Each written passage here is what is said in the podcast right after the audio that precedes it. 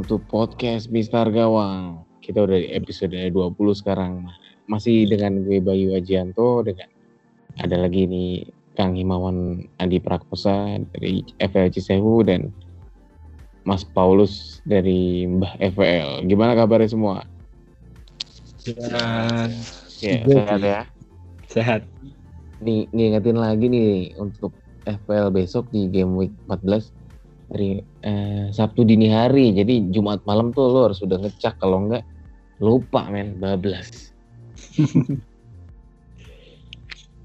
Share dikit dong persiapan lo buat game week 14 ini. Mbah gimana Mbah persiapan lo Mbah?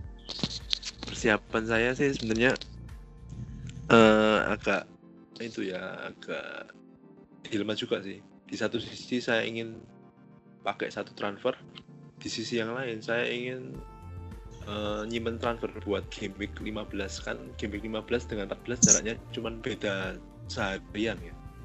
Itu sih. Hmm. Hmm, itu masih saya masih mikir sampai sekarang masih belum nemu solusinya. Cepat juga soalnya.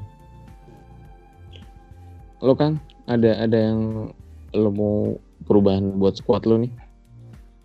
Kalau gue sih, hmm, sebenarnya belum sih. Masih ada dua free transfer. Masih nunggu konferensi pers malam ini dan besok malam. Eh besok malam ya.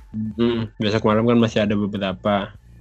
eh karena gue punya dua free transfer, jadi harus pakai satu sih. Soalnya kalau Sayang ya. nggak mungkin. ah. Mm. kemungkinan sih ngambil Felipe Anderson. Kalau kalau nggak ada yang harus diganti ya. Ini kan masih memantau kondisi Hazard nih. Hmm. Kalau nggak salah nanti Lo punya Hazard ya? iya. Kalau nggak salah nanti malam itu habis UEL Sari akan konvers. Jadi ya kita tunggu nanti malam lah. Hazardnya gimana? Soalnya kalau misalkan Hazard nggak main menggoda sih buat ganti ke Sterling. Tapi kalau Hazard main mah lawan Fulham home ya mending ditahan dulu sih. Makanya masih nunggu itu sih. Hmm. Jadi belum transfer. Kalau sendiri Oh. gimana? Oh boy. gue gue bener-bener minat banget sama Sterling ya. Selain memang dia dia itu kayak Pep tuh emang de- demen gaya mainnya dia, terus ternyata cocok aja sama Pep gitu dengan dia kencang, terus dia juga pandai buat ngecoh pertahanan lawan, destroyer lah tipenya, tipe ngobrak-ngabrik.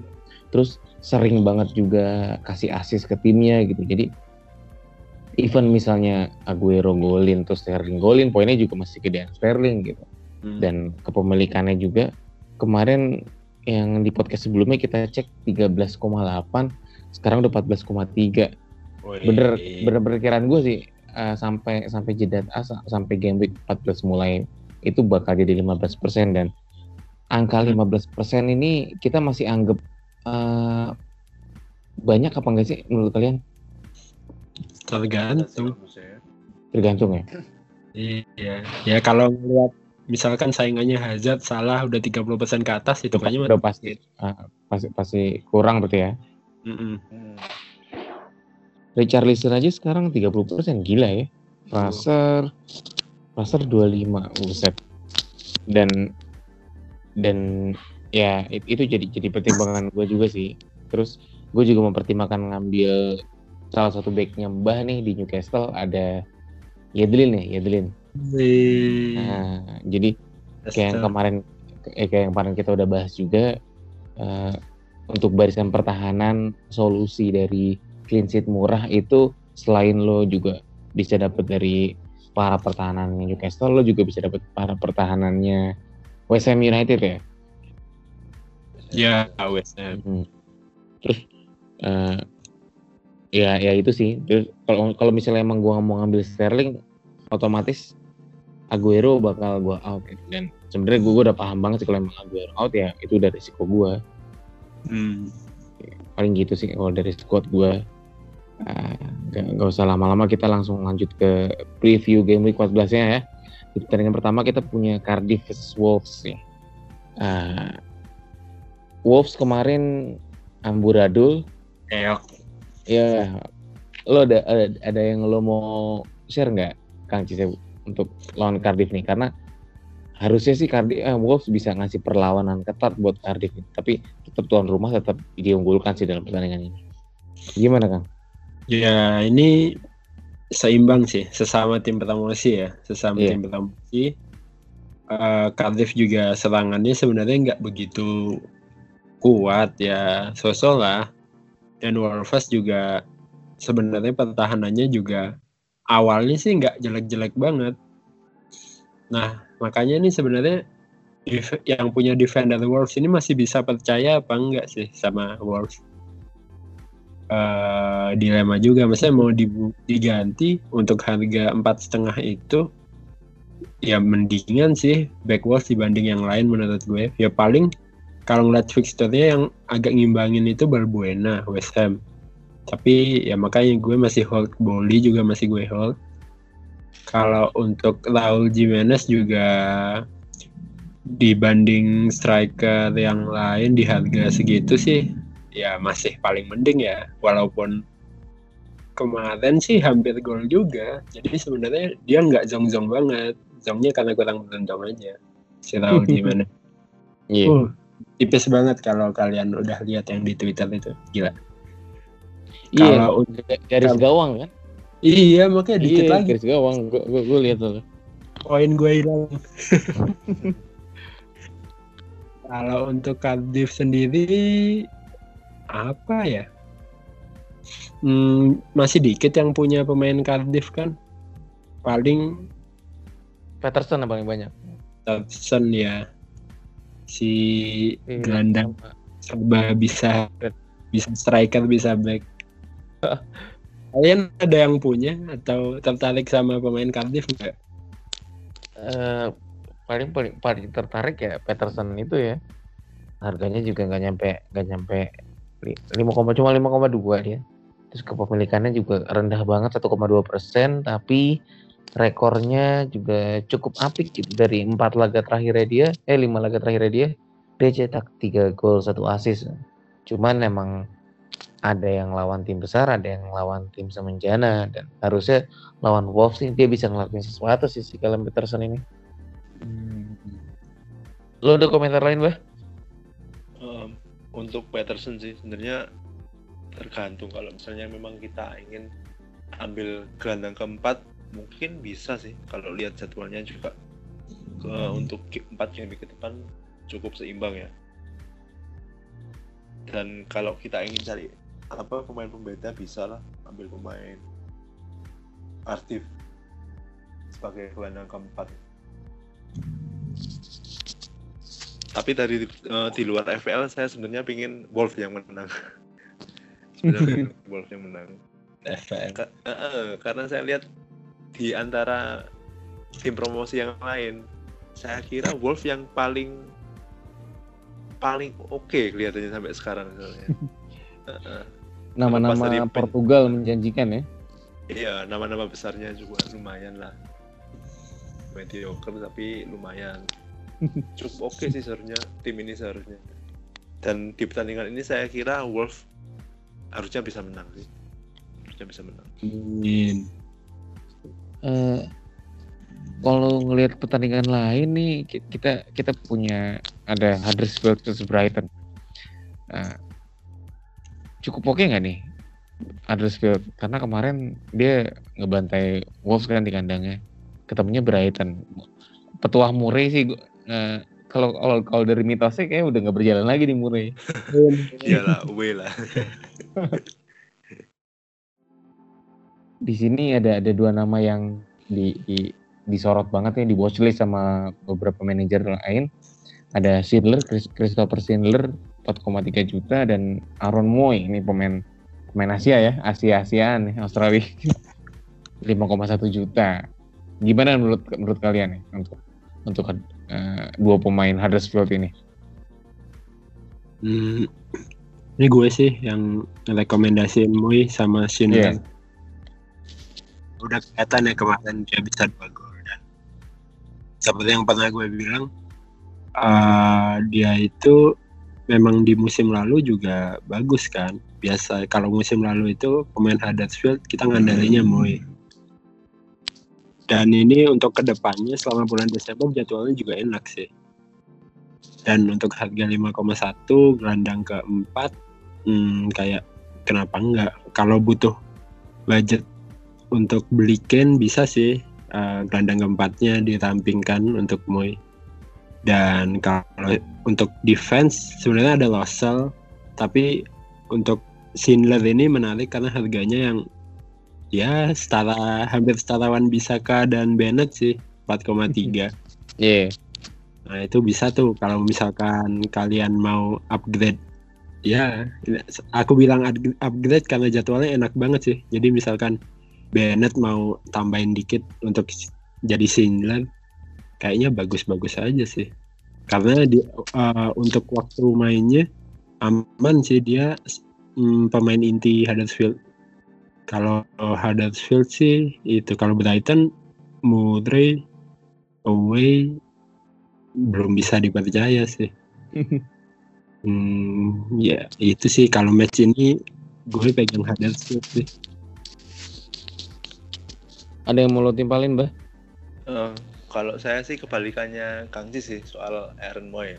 Oke, kalau kita bicara pemain belakang Huddersfield, bolehlah kita ambil satu untuk ya untuk selingan. Tapi kalau kalau Aaron sih saya nggak begitu tertarik mengapa? Karena pertama dia di 13 game week awal cuman satu kali meledaknya game kemarin aja. Dan yang kedua yang paling penting itu kalau menurut saya sih Aaron kan CM dia nah, potensi untuk uh, pemain CM untuk di FPL agak kurang sih kalau menurut saya. Terbukti kayak musim lalu awal-awal dia oke. Okay, karena dia Algo bola mati plusnya Algo bola mati dia. Tapi menjelang tengah-tengah ke akhir melempem pak. Itu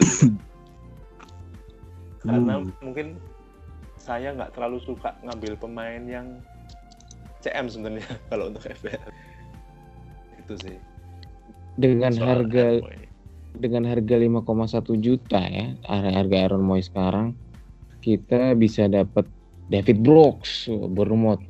Itu udah pasti nyerang kan dia. Walaupun Joshua King udah masuk tapi tetap aja dia dia masuk ke uh, barisannya Fraser untuk di sayap terus kita punya juga kalian petasan cuman kalian petasan juga 5,2 terus ya ya udah sisanya barisan uh, gelandang tengah kayak Kapu terus Neves Ante Jorginho tapi ada nama Hughes juga ada Kennedy juga ada Kamarasa juga. Ya kurang lebih kayak gitu sih. Jadi hmm. bener bener bener mbah sebenarnya. Ya ini perspektif aja ya. Iya, tinggal yeah. tinggal gimana pilihan para manajer gitu. Terus karena di, selera ya mungkin kenapa? ya karena ya uh -uh, bisa balik lagi selera mungkin Arnold pekan ini bisa meledak tapi balik lagi kan ya tahu sendiri kan harga segitu dengan posisinya dia CM tentu mengharapkan dia selalu tiap pekan meledak kan tentu nggak mungkin. Uh, kecuali kalau misalnya dia pakai dukun. Kita nggak tahu. Nah, dukunnya Australia mungkin kuat-kuat bisa juga ini kode buat yang ngambil Barkley kali ya? Habis diambil semblep. Eh, Chelsea itu menarik untuk dibahas sebenarnya sih. Di di pertandingan kemarin sebenarnya ada nama salah, salah, salah satu nama yang mencuat nih untuk jadi watchlist di game week 14 ini. Dia adalah Wilfried Zaha. Jadi Zaha Zaha tuh kemarin mainnya bagus banget di MU lawan Palace. Dan sekarang dia tuh jadi salah satu opsi dari manajer-manajer yang emang ragu-ragu karena Taufik main apa enggak nih besok lawan Newcastle. Menurut kalian gimana nih prospek Zaha di di Crystal Palace?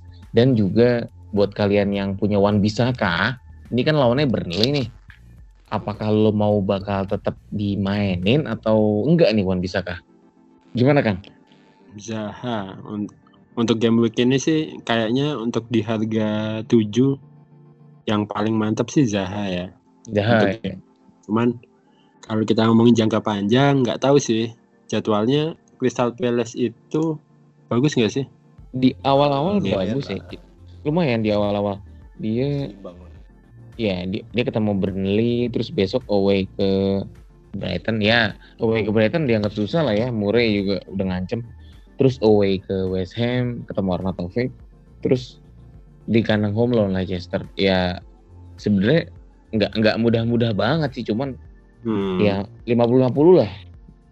Kita nggak bisa nebak juga nih kalau ini Iya sih. Baik kalau untuk yang jelas untuk game week ini di harga tujuan gue pegang Zaha sih. Jadi eh ya kita tahu ya Zaha emang eh, pusat serangannya Crystal Palace. Iya iya. Di ngelawan Burnley yang rentan dibantai main di kandang ya kenapa enggak? Dan itu juga yang membuat gue yang punya Wan Bisaka dan gue juga menebak yang teman-teman yang pada punya Wan Bisaka pada naikin deh itu Wan Bisaka. Soalnya ya kayak kemarin lawan MU bisa clean sheet loh. Ah itu MU-nya yang bangsa tanya waduh. Main MU lawan MU loh itu pad- pasti banyak itu manajer yang punya Wan Bisaka di bench. Ya? Iyalah pasti dan kayaknya ngelihat itu dan lawannya sekarang jauh lebih mudah Wan Bisaka akan naik sih. Akan naik ke starting. Entah siapa yang dicadangkan. Kalau ngeliat jadwal Everton sama Fulham sih jelek.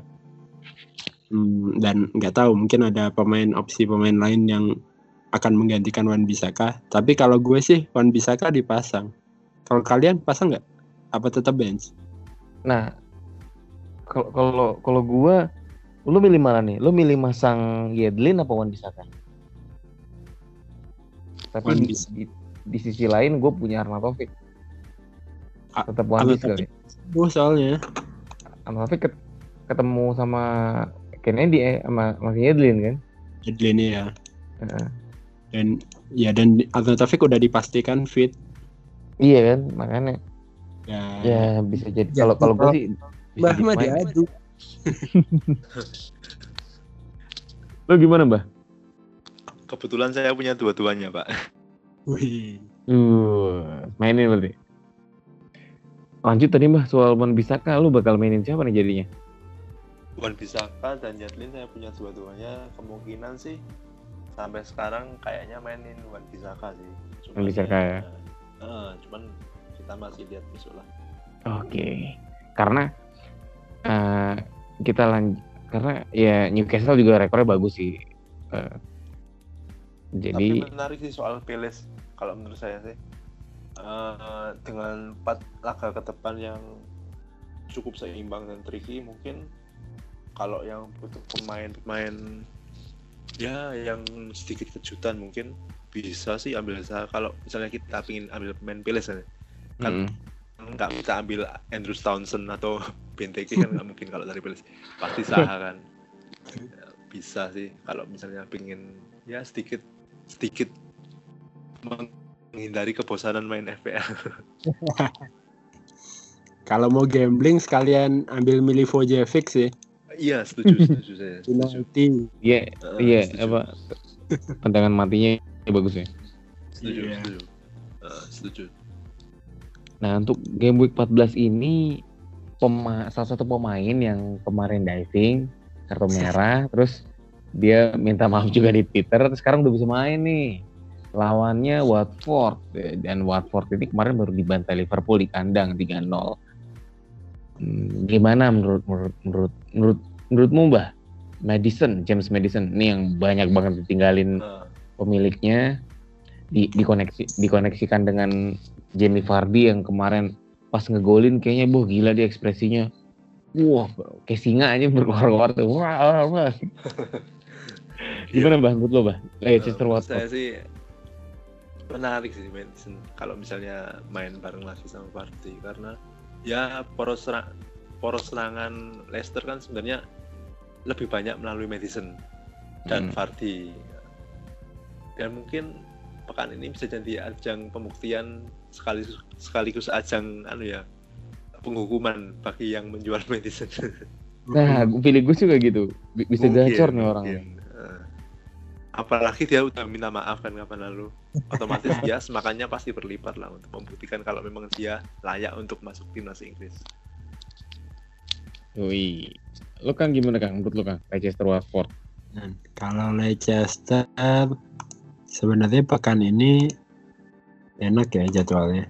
Watford home. Terus juga Jamie Vardy kemarin cuma main sebentar ngegolin tapi maksimal bonus poin apa nggak salah ya. Saya cek dulu. Iya, Jamie Vardy. Iya, tiga. Tiga ya? Hmm, tiga benar. Itu. Cuma main sebentar. Berarti emang Jamie Vardy ini beda sama itu sih, sama salah ya. Salah ya. Yang main full nggak dapet bonus. Vardy main sebentar aja dapat bonus ya. Gila iya. Karena memang kalau nggak salah hitungan BPS striker mencetak gol itu emang lebih tinggi daripada mid kalau cetak gol. Oh gitu. Mm-mm. Jadi ya kalau mid cetak gol kayak salah kemarin ya ya udah kad- suka hilang memang. Tapi kalau striker biasanya lebih aman sih. Gue lupa angkanya tapi ya begitu. Jadi untuk pertandingan ini sih gue jagoin Jamie Vardy buat yang udah punya. Wah mungkin kalau kapten pembeda bisa sih Vardy. Kalau untuk Madison gue nggak pernah punya dan nggak tahu deh habis cedera gimana nanti di- diving lagi kartu merah lagi gimana dong Mungkin kesalahan. Nah. kayak lagu kan Se- Sebenarnya di sini ada yang menarik loh di Leicester. Nah, memang trennya dia emang nggak nggak nggak nggak bagus-bagus banget ya. Apalagi dia main, dia main di kandang tuh tiga pertandingan kandangnya dia itu dia nggak pernah menang men. Dua kali seri satu kali kalah. Dia kalah sama Everton, seri sama West Ham, seri sama Burnley. Jadi dia pun menang menang juga lawannya lawan Huddersfield gitu. Eh, makanya kalau menurut gue Watford ini bisa jadi ya memang di atas di atas angin di atas rata apa di atas kertas Leicester bisa menang lah lawan Watford. Tapi Watford juga kayaknya nggak mungkin mau ngalah gitu aja gitu. Seru sih menurut gue menarik karena uh, Pereira dan Gerard Deulofeu ini bisa jadi diferensial nih buat Watford ya mudah-mudahan Isak Saksa sih bisa main ya Eh, karena hokinya hokinya Watford tuh di situ kan.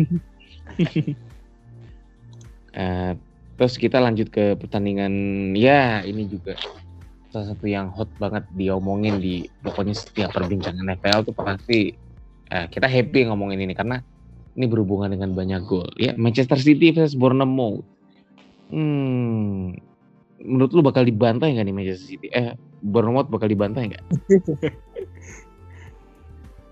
ya pastinya ya Kalau- kalau ngeliat trennya dan kalau pemain City memang nggak kelelahan habis UCL kemarin ya bis ya Manchester City gitu ya mungkin kalau lagi males 2-0 lah paling nih untuk eh, fans berat Manchester City Captor Surabaya gimana? Mas Paulus. berat-berat amat sih pak nggak terlalu berat nggak sih kalau misalnya City faktor kelelahan kayaknya nggak juga sih karena dia main Selasa Sabtu lagi baru main jaraknya lumayan jauh jadi masih bisa lah tapi Bournemouth itu kalau kita ingat seri- beberapa kali itu sering merepotkan City Tim besar. Heeh Oh City termasuk City. kayak musim lalu kan kalau kita ingat golnya Charlie Daniels yang indah Duh, itu tendangannya tendangannya gila itu gue Ah. inget. ke gawang City juga tapi akhirnya kan Sterling memastikan kemenangan kayaknya ya kalau Mm-mm. nggak seri menang kayaknya menit akhir lalu Sterling kartu merah apa kuning itu ya karena selebrasi itu menarik sebenarnya pertandingan ini tapi tetaplah City dengan kualitas pemain yang di atas rata-rata paling nggak minimal tiga bisa lah. Gol harusnya. Karena kalau lihat kalau ngomongin stamina City ya, kemarin dia tandang ke Lyon. Seri dia hampir, hampir kalah, hampir kalah sampai pelatihnya Lyon tuh kesel gitu. Harusnya mereka bisa menang nih tapi ternyata di menit-menit akhir Aguero golin. Aguero tuh umpannya Mahrez terus di sisi lain ada Aymeric Laporte golin umpan David Silva.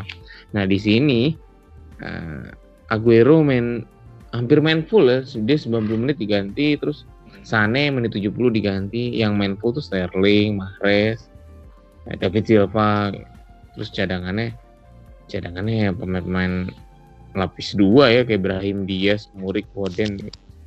Kayaknya pemain pemainnya Bernardo Silva masih cedera ya? Cedera masih. Nah, masih. Emang nggak nggak ada pilihan lain sih kayaknya ya dari City ya.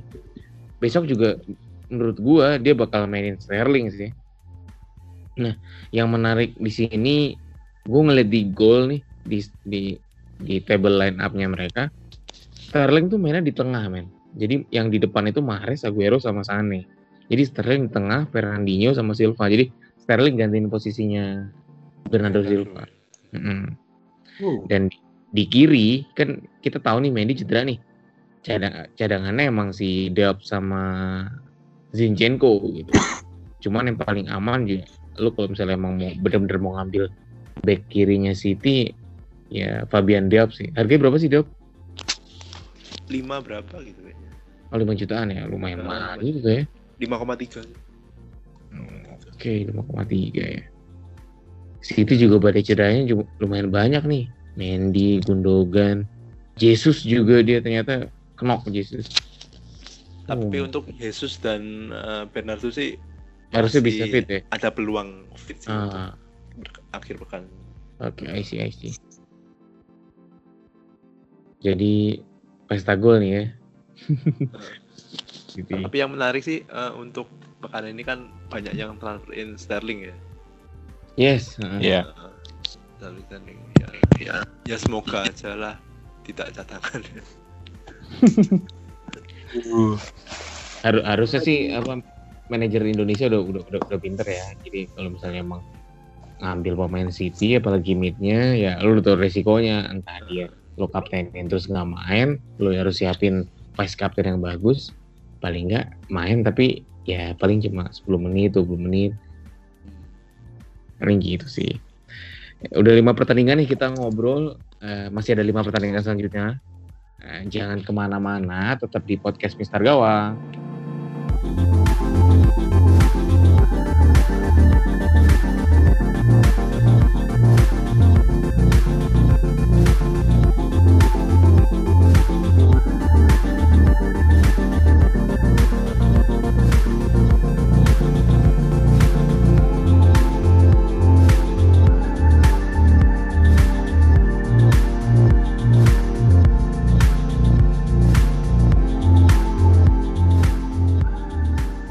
Ya kembali lagi di podcast Mister Gawang. Tadi kita udah ngomongin preview di segmen satu nih ada Cardiff Wolves, Crystal Palace Burnley, Huddersfield Brighton, Leicester Watford, City Bournemouth, dan sekarang ada lima pertandingan selanjutnya. Tapi gue mau ngucapin salam dong untuk Bang Erik nih dari FL Ranger. Welcome Bang. Halo, halo, halo. Gila udah nyepet-nyepetin lo, thank you banget loh buat join sama kita sih. Nah. Ini habis rapat Pak Erik ini kayaknya. Iya makanya dia. Dipanggil Pak Edi kan tadi karena Asik. wah heboh itu kan. Panggil Pak Edi ya. Uh, Saya mau mau ini nutup SSI aja. Udah malam Suruh... tutup, besok buka iya. lagi kan. Itu dia maksudnya. Sekarang jadi nasi uduk aja. Nih sebelum gua ngomong lebih jauh mengenai preview, kan yang lain udah gue tanya ini bang yang soal uh. tim nah gue mau tahu lo persiapan lo tim lo untuk nyambut game week 14 nih lo udah mau ngapain aja nih karena besok terakhir transfer kan gitu. atau lo udah early transfer hmm, belum ngapa-ngapain gue sih sama sekali sama uh, sekali lo belum ada bayar sama sekali belum ngapa-ngapain belum tahu juga sih kayaknya sih akan tahan transfer sampai okay. hari ini ya tapi kita lihat besok lah oke okay. Ya, Arnautovic uh, di Twitter udah rame ya Arnautovic tuh bakal bakal main nih di konferensi pers si siapa si Pellegrini juga kayak kayaknya bakal main juga gitu. Lawannya Newcastle, Newcastle tuh tiga kali menang. berturut-turut. Aduh, gi- gimana Bang Erik menurut lo Arnautovic versus para backnya si pelatih bangsat nih? Si siapa? Siapa Benitez? Benitez, gue gak demen banget Benitez tuh menghancurkan Inter deh. Asik. Iya. Eh, langsung ya pertama ya, sialan lu. Iya, apa? nih gue? Bangsa. Eh, Arnau sama Newcastle. Gue ini agak-agak rancu nih karena gue punya dua-duanya kan. Gue punya Arnau Taufik, gue juga punya Yedlin back. Newcastle ya. Gila. Gue juga Nah, rencana mau beli Edlin tuh. Iya iya, menurut gue sih dengan harga berapa sih? 4,5 Pas ya? setengah, pas setengah. 4,5 dia lumayan lah. Jadi back ke 4 atau ke 5 lo. Yang suatu saat kalau ada yang nggak main pasti naik gitu ya. Dan dia pasti main. Dan mainnya lumayan oke kok dia sebenarnya. Si Atlin lumayan sering maju-maju juga gitu. Eh, gaya mainnya mungkin sedikit agak-agak mirip kayak Doherty ya. Cuman Doherty lebih gila lagi sih. Dia agak-agak Alonso eski gitu. Eh, ini sih gue ngarepnya Arnautovic golin ya. Karena kemungkinan besar gue nggak masang Yedlin dan tapi ya formnya si siapa? Eh, Newcastle nggak bisa dipandang remeh juga sih ya. Eh, udah tiga tiga pertandingan ya. Tiga pertandingan berturut-turut. Eh, selalu selalu menang ya. Iya selalu menang. Gue sebenarnya malah agak tertarik sama si Rondon ya. Hmm. Salomon Rondon ya. Iya, Salomon Rondon ini lumayan lah. Eh, shotnya juga lumayan oke, banyak. Terus eh, link up play-nya oke, dia di tiga pertandingan itu udah dua gol ya. Walaupun terjadi di pertandingan yang sama, dua gol itu. Cuman dia selalu main semenjak cedera, selesai cedera. Jadi gue lumayan tertarik sih sama Rondon. Harga 5,7 yang punya tuh cuman kayak 1,3 persen jadi iya jadi bisa jadi pembeda banget nih kalau yang mau nyoba-nyoba ganti dari Mitrovic atau nggak mungkin Mitrovic ya kemarin habis kemarin habis brace nggak mungkin langsung dilepas deh Hmm, itu sih paling jadi gue akan agak ngelihat si Rondon sih Kakis lu mau nambahin kan? Kalau gue nambahin eh, kayak di awal tadi, eh, gue malah tertarik ambil Felipe Anderson. Jadi Hmm, oke. gue ngedouble serangannya West Ham lawan Newcastle. Dan kalian bertiga akan punya Yedlin. Nah, ya itu sih eh, masih believe sama West Ham ya selama Arnautovic main hmm, depannya bahaya sih ya. kalau apalagi kalau Felipe Anderson bisa mengulang formnya yang kemarin bagus mainnya cetak gol juga jadi ngedouble mereka berdua sih untuk ya selama Desember ini bakal asik sih jadi ya bukan West Ham ini Eh, yang menarik dari WSM tuh dia pernah away ke kandangnya Everton apa lupa lupa namanya gua. Goodison Ah, Goodison. Goodison Park. Mereka menang 3-1 dan ini juga catatan yang lumayan oke ya. Di sisi itu lain musim ini? di musim ini, musim ini. Oh, musim ini, musim Di sebelumnya dia di Huddersfield satu nah, nah ini bang satu satu terus di eh, di kandang Leicester juga satu satu juga. Terus ya mengingat tadi juga kita udah ngobrolin sama Mbah Mbah kayaknya lebih condong mainin Wan Bisaka daripada Yedlin. Berarti lu nggak percaya kan Mbah sama pertahanannya Newcastle nih dengan Bukan bombardirnya. Gimana, Bukan gimana? percaya. lu Karena Ragu. faktor lawan mungkin. oh Faktor lawan. Eh, peluang peluang clean sheet kan kalau di lihat secara awal ya Hmm. otomatis lebih besar Wan Bisaka sih harusnya lawan Burnley yang Lawan Burnley soalnya Eh, itu sih cuman itu cuman ya faktor lawan sih karena itu karenanya. oke setuju setuju Nih, gue mau nambahin nih sedikit. Apa? Eh, kalau banyak juga nggak apa-apa Pak. banyak Iya. banyak lah capek ya dari statistiknya kalau ngeliat statistiknya si Newcastle ini dari tiga pertandingan kandang terakhir lawan West Ham dia selalu menang Newcastle Hmm. Eh, terakhir musim lalu dia menang 3-0 Eh, musim sebelumnya lagi dia menang 2-1 dan musim sebelumnya lagi dia menang 2-0 jadi lawan West Ham tiga di udah tiga musim nih dia belum pernah kalah nih. Selalu menang. Ya cuman kalau di kandang West Ham kalau di kandang West Ham gantian West Ham yang menang. Ya jadi kalau hanya berdasarkan history ya Newcastle punya chance sih untuk menang. Apalagi sekarang emang formnya lagi bagus. Ini gue jadi ragu loh mau nyadangin lihat dulu Sama, gue barusan barusan lo jelasin begini gue jadi nih EPL racun menggema di mana-mana nih.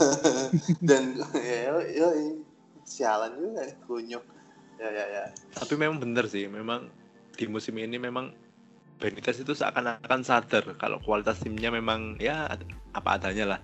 Otomatis ya pasti itu akan memperkuat pertahanan dulu. Dan Hmm. terbukti kan di musim ini kan dia kebobolannya nggak terlalu banyak juga. Lawan tim-tim besar cuma kebobolan dua, dua, dua. Iya. Eh, Ya.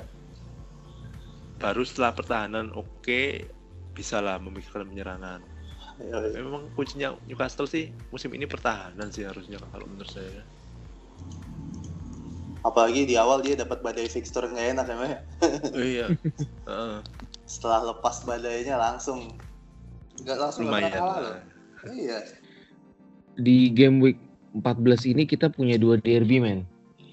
Nah, derby London Utara sama derby Merseyside, derby pelabuhan. Liverpool Everton, Liverpool Everton ini bakal ramai banget sih. Everton juga nggak mungkin ngalah gitu aja. Terus Liverpool dari kemarin mereka menang 3-0 3-0 sama Watford, terus di PSG di pecundangin ya, satu ya. Liverpool Hmm. sekarang peringkat peringkat ketiga terancam tidak lolos ya tinggal dia penentuan di laga akhir Liga Champions harus menang juga. Apa komentar lo mengenai Liverpool versus Everton? Terutama pemilik salah dan Mane nih. Gue juga pemilik salah Mane. Lo bah gimana bah? Lo pemilik salah sama Mane juga? Iya, punya mereka gimana? kesalahan Mane. Nunggu konferensi pers dari klub sih kalau saya. Heeh. cuman permasalahannya Liverpool ini kan gini ya. Saat ini kan dia harus menang dari Napoli kan, paling nggak dua gol ya. Iya. Iya. Sedangkan jadwal eh, Liga Inggris di bulan ini awal-awal Makin padat. Aduh. Heeh, Mhm. makin berat. Itu yang menjadi ya, pemikiran sih harus dipikirkan lebih sungguh kalau soal pemain Liverpool, terutama Salah, Mane ataupun Robertson kalau menurut saya. bau-bau rotasi nggak tuh mbak Bau lah, Pak. oh ya Bau lah. Ah, kalau kalau menurut gue ngelihat gaya mainnya Klopp rotasi ada tapi nggak mungkin full nggak main sih paling main tetap tapi tetap mainnya menitnya sedikit banget Iya. gitu karena fatal sih kalau Liverpool nggak nggak ada mana yang masalah tuh kurang banget kalau menurut gue ya. Setuju. Justru itu bisa jadi masalah juga, Pak. Kalau misalnya Iya. main 60 menit, tiba-tiba ngolin satu misalnya, eh tiba-tiba diganti, eh cuma main 60 menit kayak Aguero. Iya. Sebenarnya gue lebih takut sama Robertsonnya sih. Kayak kemungkinan nggak mainnya cukup tinggi gitu. Dibanding kalau salah sama Mane bener kata lu sih. Kalaupun dia nggak starting pasti dimasukin lah. Apalagi kalau keadaannya tertinggal atau belum ngegolin ya. Dan ini juga jadi derby Merseyside pertama untuk Richarlison. Nah, Menurut kalian gimana nih peluang Richarlison di game week ini? Karena yang punya banyak juga kan 30% orang yang punya nih Richarlison. Gimana Kang? Richarlison udah saya pesankan tempat di bench satu sih. Uhui, uhui. Wow, wih, wih, wih, wih, wih. Ya Liverpool dengan kekuatan yang kayak gini ya terlepas dari rotasi ya. Ini kan derby, derby kan gengsinya beda. Geoi. Yang jelas enggak lah ngeluarin pemain lapis kedua. Ya mungkin Robertson harusnya main sih kalau untuk level derby. Nanti yang petang apa game week selanjutnya ngelawan Burnley itu mungkin rotasi banyak di situ. Tapi kalau untuk lawan Everton, apalagi home ya di kandang sendiri mengadakan derby, gengsi sih kalau mainnya nggak full tim. Jadi tetap optimis aja sih sama Salah dan kawan-kawan. Ini Salah juga termasuk calon kapten. Eh, Iya. sih dipertimbangkan ngelihat kondisi Hazard juga. Jadi makanya Richarlison udah duduk manis tuh di bench satu. Iya, Udah. bo- Kenapa? Nggak, nggak. lanjut lanjut lanjut. Iya, boleh dipertimbangkan sih ini apa jalan pikiran Kang Cisewo untuk merencanakan Richarlison gitu tapi ya untuk sebagai manajer juga ya kadang sayang juga gitu karena potensinya Richarlison kan juga ya kalau main tim besar suka meledak-meledak sendiri gitu. Tapi ini ada faktanya eh, kalau si Apa? Klopp si Klopp ya eh, belum pernah ngalahin Marco Silva di dua pertemuan terakhir Nah, di Premier nah, League ya. Eh, berarti kan kemarin Marco Silva sempat di Watford. eh, Watford ya. Watford. Mm. Oh iya, Watford. Iya di Watford sama di Iya, Iya, Watford. mhm, di Watford. Kayaknya di Watford tuh nggak nggak nggak full musim kan, cuma setengah musim. Habis itu Hull City ya? kayaknya. Oh, Hull City Hull. ya? Iya benar. Di Oh, Hull iya, sama Hull di City. Watford berarti. Oh iya, Hull Hull. sama di Watford. Ya, si Klopp belum pernah menang tuh lawan Marco Silva dari dua kali pertemuan. Lawan Hull nggak menang. Kenapa? Enggak. Enggak. Seri menang. Iya, Kalau ya. Itu deh. Jadi ya siapa tahu sih Marco Silva nih punya eh, obat penawar rasa klop ya. Iya, Kang Cisewo galau lagi nih. Tapi kalau saya sih, saya punya. Richarlison juga. Hmm. Kemungkinan sih saya mainin. Kenapa? Karena kepemilikannya besar, lumayan 30% kan. Kalau blank ya lumayan. blank rame-rame, blank Hmm. rame-rame. Betul betul betul. ya kita suka-suka sama-sama. ya, Mbah ini- rame lah pokoknya. Mbah ini suka sama arus ya. Iya. Tergantung sih, Pak. Tergantung ya. Tergantung. Tergantung. Nah, udah ya ngomongin derby Merseyside ini lanjut ke derby London Utara ada Arsenal versus Tottenham Hotspurs sayang sekali Inter kalah sama Spurs jadi pertandingan penentuannya masih berlanjut tapi Spurs ketemu Barcelona di Camp Nou agak susah nih jadinya terus kemarin tuh yang golin dari Spurs eh, siapa ya Spurs ya udah gue lupa Erikson. Oh. Harry Kane, menit, menit Erikson, eh, Erikson. Erikson, Erikson, Erikson. menit 80-an ya, Erikson menit 80-an. Yang main itu dari Spurs. Wait, yang main ada Komplit. oh ya, Loris, Alderweireld, Vertonghen udah main, Void, bye bye Void. Dan VS Aurier, Trippier masih masih absen. Ada Sissoko di sana, Harry Wings, Harry Wings main, Lamela main. Lamela main. Nah, Erikson cadangan. behind ya dia menit 70 baru main Heung-min juga menit 62 baru main Eric. Dyer juga menit 87 baru main Harry Kane main full nah ini sekali lagi tagline yang dibuat Kang Kis nih bagus nih duo migran quartet asik aja Quartet asik nih siapa nih? Maksud Ali, eh Ali. siapa Son, Ali Son. Erikson Son sama ini sama Sane.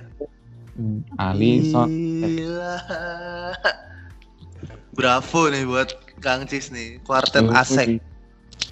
Asik. Aku bingung dari empat huruf itu ya. Dibolak-balik. Ya maksudnya dibolak-balik ya yang paling enak sih asik. asik asik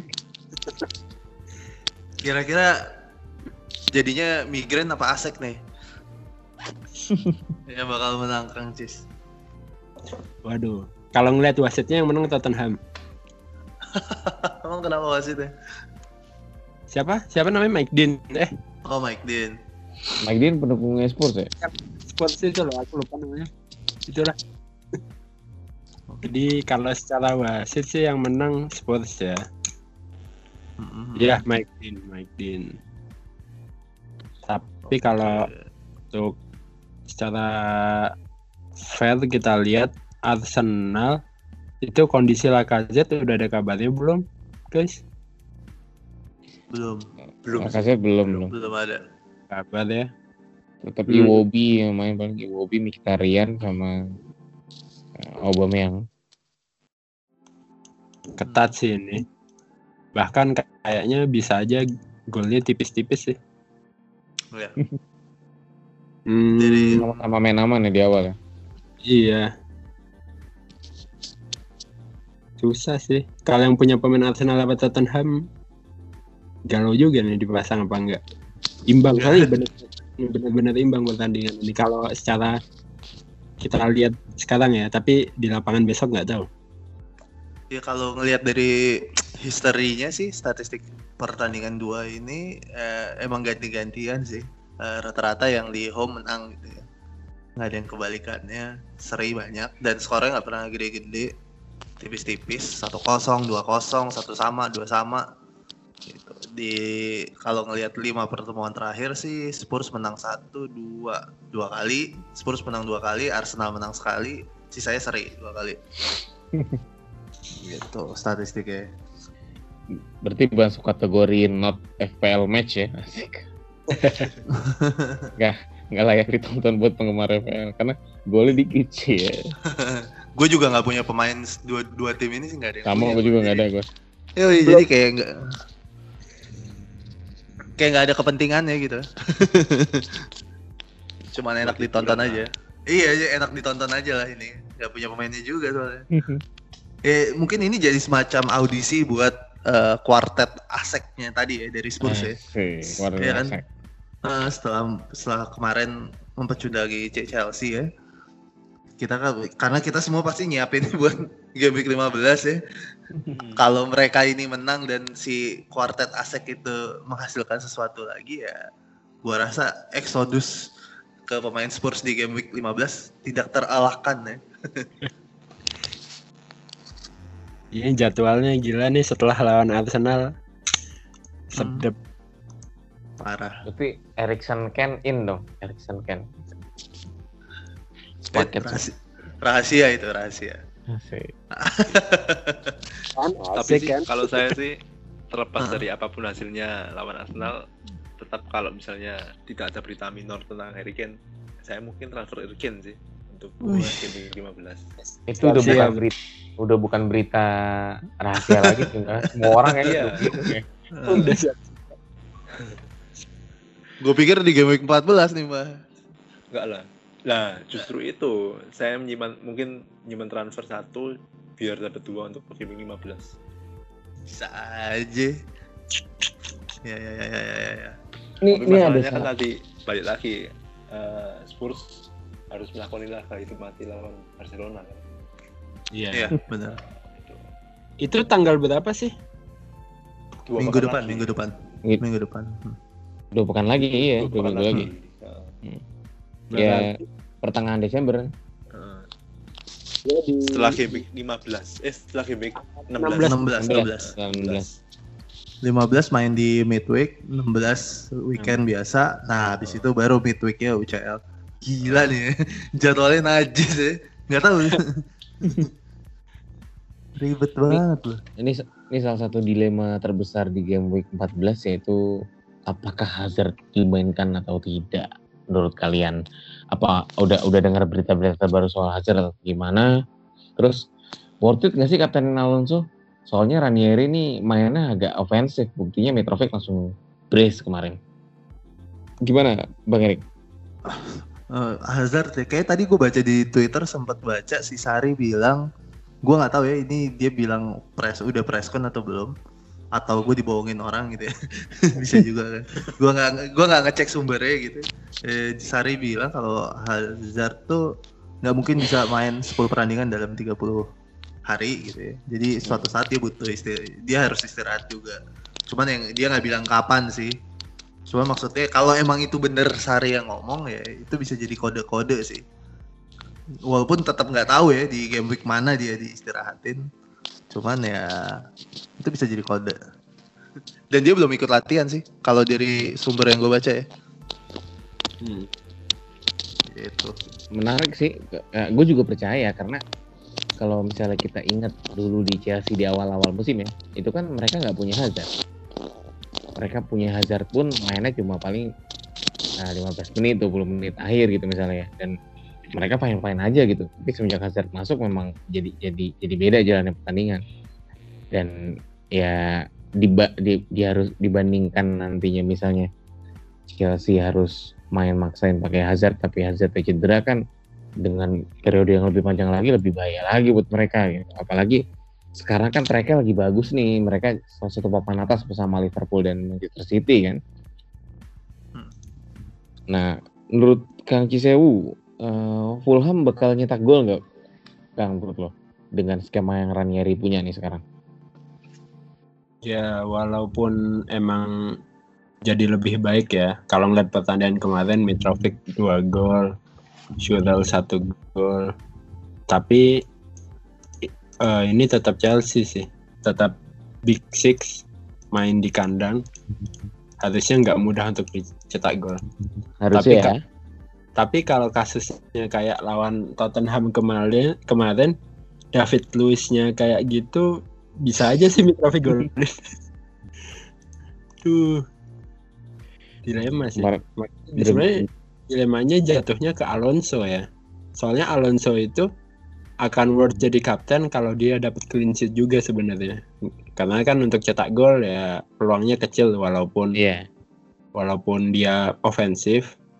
Tapi kalau dia kebobolan kan langsung hilang itu 4 poin. Oke sebenarnya eh, dilema untuk kapten Alonso atau enggak malah ke pertahanannya Chelsea sih. Hmm, soalnya David Luiz angin-anginan sih emang kadang bagus, kadang kayak kemarin itu kalau Kepa juga dibanding Ederson dibanding Alisson belum levelnya sih kayaknya Kepa nggak jago-jago banget ya kalau kalian nonton Chelsea gimana kayak ngeliat Kepa itu maksudnya nggak ya kayak beda lah sama Alisson kadang ada shoot on goal masih ah aman lah Bu- bahkan saves Gea yang kemarin pun keren tuh yang lawan Hmm. yang boy Oh, ya. Kepa itu aku belum ngelihat Kepa kiper yang seperti itu gitu loh. Oh, oke. Jadi untuk defense-nya kalau nggak banyak set on goal sih bisa clean sheet, tapi kalau eh, lengah kebobolan gampang sih. Nah sekarang kalau ngomongin Hazard, Hazard itu eh, jujur aja emang pilihan kapten utama gue ya. Kalau Oke. main kalau main soalnya ini lawan Fulham yang nggak pernah clean sheet di home ya kayak eh pemain Chelsea ini harusnya kandidat kuat kapten sih kalau ngeliat fixturnya ya. Cuman itu siapa? Apakah Hazard? Kalau fit sih Hazard. Kalau Hazard nggak main ada nama William sih. Atau malah Barkley main lagi kan kita nggak tahu. Kalau prediksi saya Chelsea menang sih. Chelsea menang. Skornya mungkin lumayan. Ya maksudnya mungkin nggak membantai City tapi lumayan lah kayak kemarin itu kan yang lawan Burnley juga 4-0 ya bisa lah dan itu pun tanpa Hazard gitu sih Lo yang mau nambahin, Bah? Iya sih bicara. Saya mungkin ada satu, dua sih. Yang pertama, saya nggak- habis pikir sama manajer yang kapten back itu nggak tahu mikir gimana mas. Kok bisa gitu ya? Tapi work kok beberapa kali. Iya, maksudnya maksud saya oke Alonso eh, potensi menyerangnya besar, tapi kan ya pilihan lain masih ada Salah, ada Aguero mungkin. Dan kalau clean clean sheet-nya hilang dan dia nggak ngapa-ngapain, itu malah nyesek pak. Kayak ya itulah kenapa antara orang jenius dan bego kan beda-beda tipis kan. ya itu. Ya, cuman nggak nggak mungkin bukan selera juga sih tergantung masing-masing ya. Cuman kalau saya sih enggak sih Kapten Alonso. Terlalu beresiko kalau menurut saya. Itu sih. Dan yang kedua mungkin Chelsea. Chelsea itu mungkin ya oke lah. Cuman untuk menjadi sebuah tim yang calon juara untuk musim ini kayaknya enggak ya. Dan mungkin Iya. lawan besok lawan Fulham sih bisa menjadi pertaruhan juga bagi Sari sih. Apakah dia memang bisa dipertimbangkan menjadi manajer yang baik di Inggris. Kalau kita lihat lawan Everton, dia mati kutu, nggak bisa ngapa-ngapain lawan kosong-kosong. Dan permasalahan Chelsea kan terutama di lini tengah ya. Oke, Luis main buruk, kadang main buruk, kadang main baik. Tapi masalah Chelsea kalau menurut saya sih di tengah posisi Kante, Jorginho itu kan dia numpuk sebenarnya. Hmm. Dia butuh CM yang benar-benar bisa CM bukan sekedar DM. Itu sih Hmm. kalau menurut saya. Dan terlalu Hazard main Hazard itu terlalu apa ya? Terlalu mengandalkan Hazard kalau menurut saya. Itu sih. Oke, thanks Pak. Nah, Penjelasannya. Lanjut ke pertandingan terheboh di game week ini. Ini dua-dua tim yang sabrut, terutama Manchester United. Away lagi. lo, lo bisa komentar apa lagi nih, Bang Erik, mengenai Manchester Hah? United? Oh, pasti Apa nih menang khusus, lah. khusus lo nih, khusus lo. Oh, pasti Apa? menang. Pasti menang. Selalu aja. Penanggung lu. Gimana, Bang? Eh, So- Soton lawan MU ya. Eh, Soton sebenarnya kemarin waktu lawan Fulham mainnya cukup oke. Ball positionnya dia menang jauh kok dari Fulham. Hmm, sekitar 62 kalau kalau nggak salah ya. Dan penguasa penguasaan bola lebih banyak, shot on goal lebih banyak dari Fulham. Gue rasa Fulham banyak main di counter attack ya kemarin. Counter attack cuman efektivitasnya aja yang tinggi. Jadi eh, golnya lebih banyak gitu. Hmm, tapi kalau partai ini sih ini MU sebelum Ferguson pensiun apa MU sudah pensiun nih? Sesudah Fergie pensiun nih. kalau MU sesudah Fer- iya kalau MU sesudah Ferguson sih kayaknya MU lawan Cardiff pun gue deg-degan sih mainnya.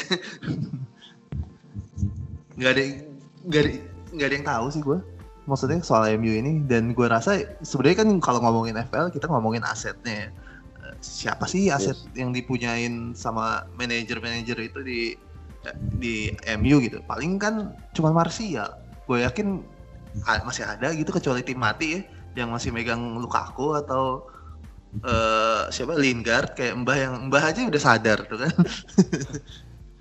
Iya, gue rasa kalau ini pertandingan dua-duanya asetnya nggak banyak yang gue yakin. Paling kalau di Soton tuh mungkin cuman Ings kali ya. Nggak tahu dia masih cedera Cedric, apa Cedric. enggak. Cedric masih, Cedric masih oke, masih banyak ya. masih banyak. Oh, ah, iya, kalau dari aset-aset itu sih, kalau gue misalnya punya Cedric, gue mainin sih lawan MU. Lawan MU doang gitu. Bisa terjadi apa-apa. Kalau gue punya Martial pun, ya gue mainin juga. Jadi ya ini ini sih nggak bisa ditebak lah pertandingan MU musim ini. Siapa pun lawannya. Oke. Ini udah 10 pertandingan kita share dan nah, setelah ini kita mau share rekomendasi nih. Sekarang nih Mister Gawang punya rekomendasi dari tiap pemain dari kiper, back, gelandang sama striker masing-masing dari uh, podcaster kita. Jangan ke mana-mana, tetap di podcast Mister Gawang. Ya,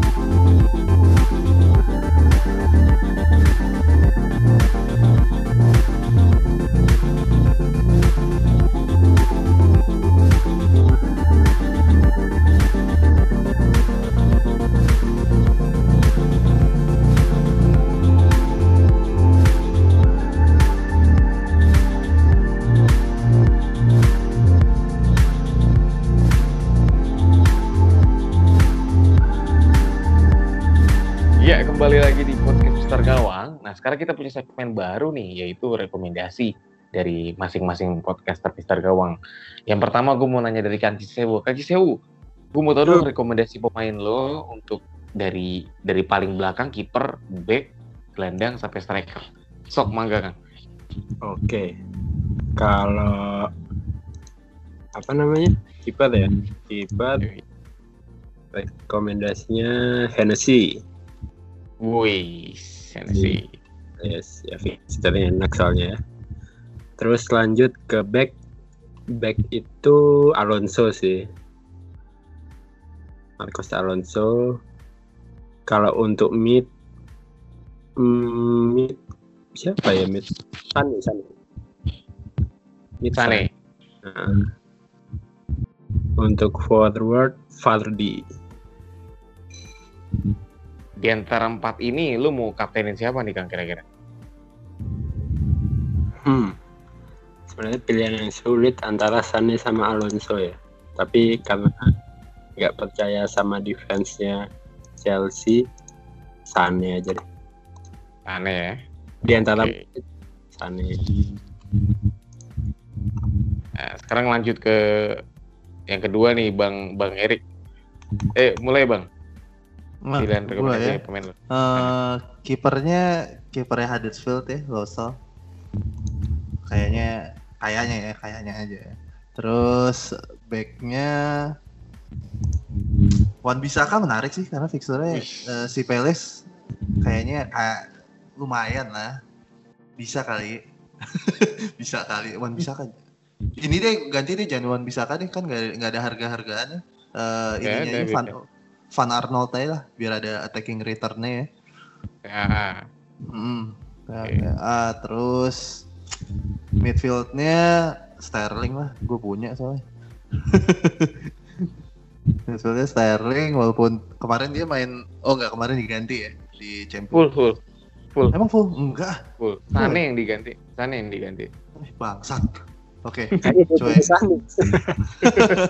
sialan. Oke, eh, strikernya Arnau lah. Strikernya Arnau. Gila. Jadi siapa aja tuh tadi? Eh berarti back eh kipernya Losel, defendernya PVA, midfieldnya Sterling, forwardnya Arnau. Sip. Oke. Lanjut, Mbah. Lu punya empat pemain siapa aja nih, Mbah? kipernya Michael karena saya punya backnya Alonso punya juga midnya Salah depannya Aguero Wow. Mantap, Mas. Iya. Ini alur jal apa alur jalur utama nih mainstream nih. karena saya punya kan nggak mungkin saya merekomendasikan Eh, gue lupa. punya Tadi Bang Erik, Oh, lu apa? kapten kapten di tim lo tadi siapa? Di empat Oh, pemain pilihan di antara- di antara empat itu, di antara empat itu Ane, Ar- Eh, eh, Sterling. Sterling lah pasti kayaknya yang high Sterling. profile ya. Hah? Lu siapa, Mbah? Kayaknya Aguero Aguero ya. City semua ini. Oh iya betul. Tapi sudah punya gimana dong Kang Cis? Habis lawannya Bournemouth gimana dong? ya masa kita kapten pemain Bournemouth Gak apa-apa mbah, kalau nyekor mah hasil hitung kancing kali ya. Yoi. Dukunya kuat Lu lu pernah gak sih eh, milih kapten pakai hitung kancing? Ah, nggak pernah, Gus. Nggak pernah, pernah nggak ya? ya, saya Terlalu- pernah poin pak minggu lalu pak Oh minggu kemarin koin ya. Oh iya iya bener. poin Ayo, Om Bayu. salah Yoi, sekarang Om Bayu nih Om Bayu. Kalau gue kiper Kepa, kiper Kepa lawannya Fulham di salah defensif. Nah, untuk back, gue pengennya sih eh, Christopher Schindler ya, Schindler Oh. di Huddersfield. Huddersfield. Terus di gelandang Sterling lah, Sterling udah udah pilihan paling aman. Mhm. Ter- Terus nggak main totonya, bangsat kan Pep. Enggak, tengahnya kan lagi lagi lagi banyak yang Oh iya, lagi, lagi banyak yang absen. Biasa nyerang-nyerangin hati. di striker ba- banyak pilihan bagus cuman gue percaya gue gue gue pengen pengen Zaha sih. Zaha kan le- le- kemarin pas lawan MU juga mainnya ngotot banget ya. Dia juga kesal juga nggak bisa bikin gol. Harusnya sih dia minimal satu gol nih lawan Burnley besok. Kapten jelas Sterling lah udah nggak nggak usah ditanya lagi. Oke. Jahanam nih host-hostnya semua. ya eh, ini udah udah semua nih kita bacain nih lo ada yang masih ada yang lo mau ngomongin ya mengenai game week 14 ini dari kalian bebas Hmm, gua ngingetin aja tuh deadline-nya ya. Paling oh iya deadline deadline-nya tuh jam berapa? Jam 1 ya? Jam 1 dini Malam. hari. Ya besok Jumat. Jangan sampai kelewat. Nggak apa-apa sih kelewat midweek juga udah kenal lagi. Sisanya sih aman nih sih dari gua. Oh iya, buat buat teman-teman di sini yang uh, kebetulan dengar podcast kita, terus belum join ke Kofli regional terdekat di domisili kamu, ya buruan join lah, gitu. Karena di tahun depan Kofli Kofli dari Kofli pusat bakal ngadain Kofli National League ya, dan itu uh, hadiahnya juga uh, cukup menggiurkan dan buat buat kalian ya buat pride juga sih selain pride buat lo tapi pride buat kebanggaan buat uh, regional lo gitu. Dan buat buat kalian oh mbah mbah otomatis masuk regional Surabaya mbak ya? Kopi Surabaya. Ya? ini di, di kita masuk Jakarta Jakarta bakal ramai banget nih aja ketat ya eh. Ya lanjut lanjut. Udah udah. Oke udah sip. Aman kok semua? Oke tutup dulu ya Ya nggak terasa udah sejam lebih, sejam lebih apa enggak nih?